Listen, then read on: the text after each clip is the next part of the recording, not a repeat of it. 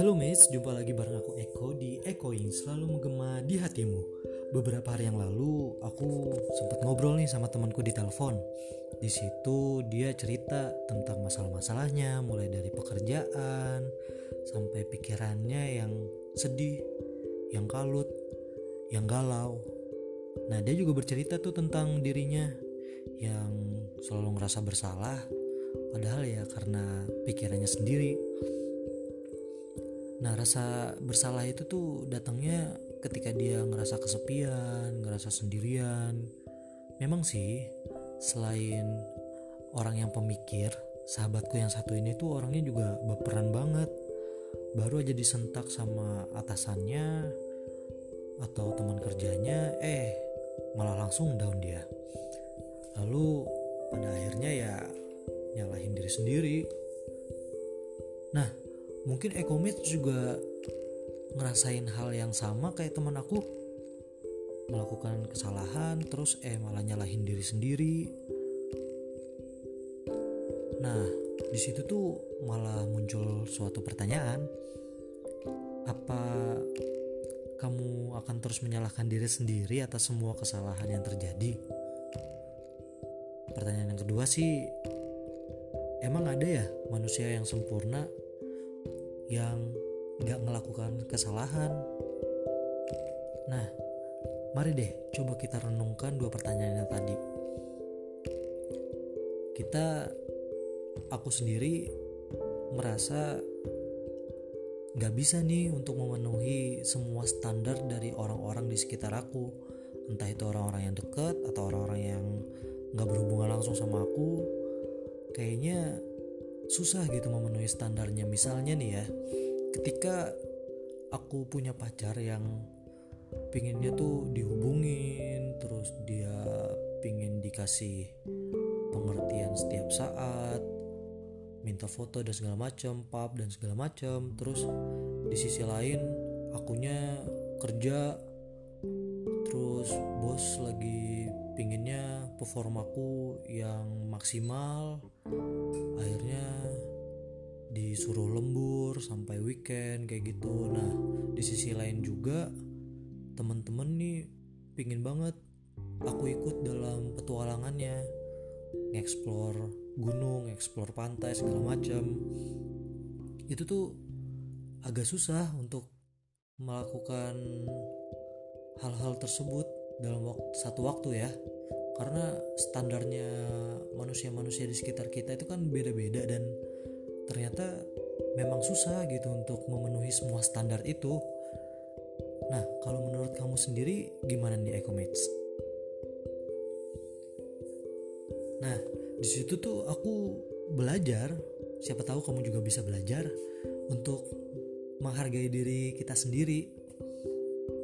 Bagaimana sih caranya untuk menghargai diri kita sendiri? Nah, kalau tadi dari ceritaku kayaknya ada dua poin deh yang lumayan penting untuk diambil. Yang pertama itu tentang standar setiap manusia yang ada di sekitar ataupun di circle kita. Susah men mau memenuhi semua standar itu. Jadi poin yang pertama adalah kita tuh nggak bisa untuk memenuhi semua standar apalagi standarnya manusia gitu kan. Terus yang kedua itu selama hidup kita kita tuh nggak mungkin nggak melakukan kesalahan gitu. Aku aja udah segede ini nih masih aja ada yang salah gitu. Entah itu di kerjaan entah itu di kehidupan sendiri kayak gitu masih ada aja kesalahan entah itu besar entah itu kecil entah itu berhubungan langsung dengan aku atau malah itu di luar kendaliku. Wah ada aja lah pokoknya. Nah dari dua poin itu coba deh kita bareng-bareng berikan waktu untuk diri kita juga untuk memahami dan mengerti apa aja sih yang udah kita korbankan? Apa aja sih yang udah kita lakukan demi meminimalisir kesalahan-kesalahan demi berusaha untuk memenuhi standar-standar manusia? Ya itu. Coba deh direnungkan apa aja sih yang udah kita lakukan apa aja sih yang udah kita usahakan kayak gitu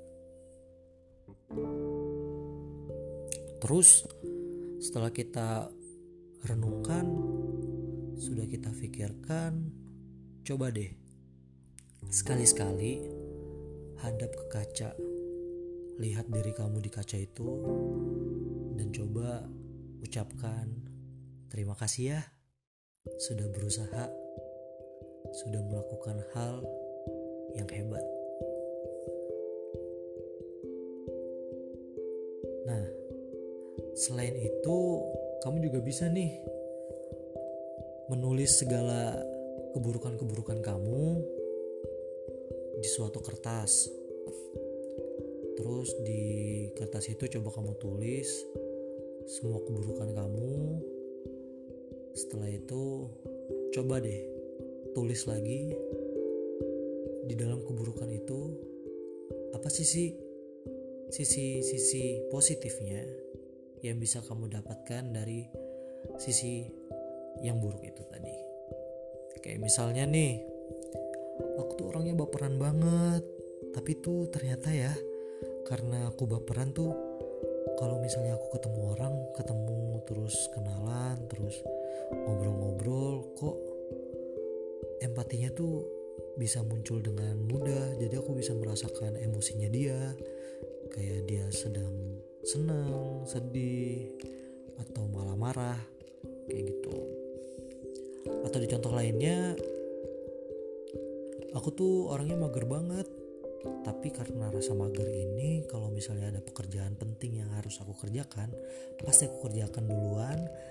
Dan karena aku mager aku males banget tuh kalau misalnya udah mulai ada orang-orang yang melakukan hal yang di luar pekerjaan itu. Kayak misalnya giba-giba atau apa kayak gimana. Aku mager banget sih ngikutnya kayak gitu misalnya. Misalnya ya Allah ya. Nah itu kamu juga bisa explore banget dari kamu di situ. Misalnya keburukan-keburukan apa aja tapi kamu coba lihat dari sisi positifnya. Explore diri kamu lebih dalam.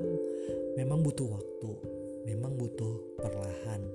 Tapi ketika kamu berhasil untuk menulis semua keburukannya serta sisi-sisi positifnya dari keburukan kamu tersebut pasti kamu bisa lebih menghargai dirimu sendiri.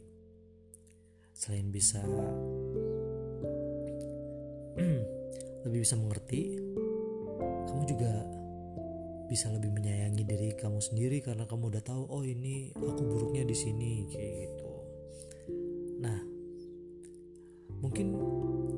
tips yang tadi itu bukan tips dan trik yang selalu tepat untuk dilakukan tapi bisa kamu cobalah agar lebih dekat dan menyayangi diri kamu sendiri jadi bukan usus 12 jari aja yang dicintai ya, tapi dirimu juga harus dicintai karena kamu itu dilahirkan sebagai orang yang hebat dan akan menjalani kehidupan ini dengan hebat juga.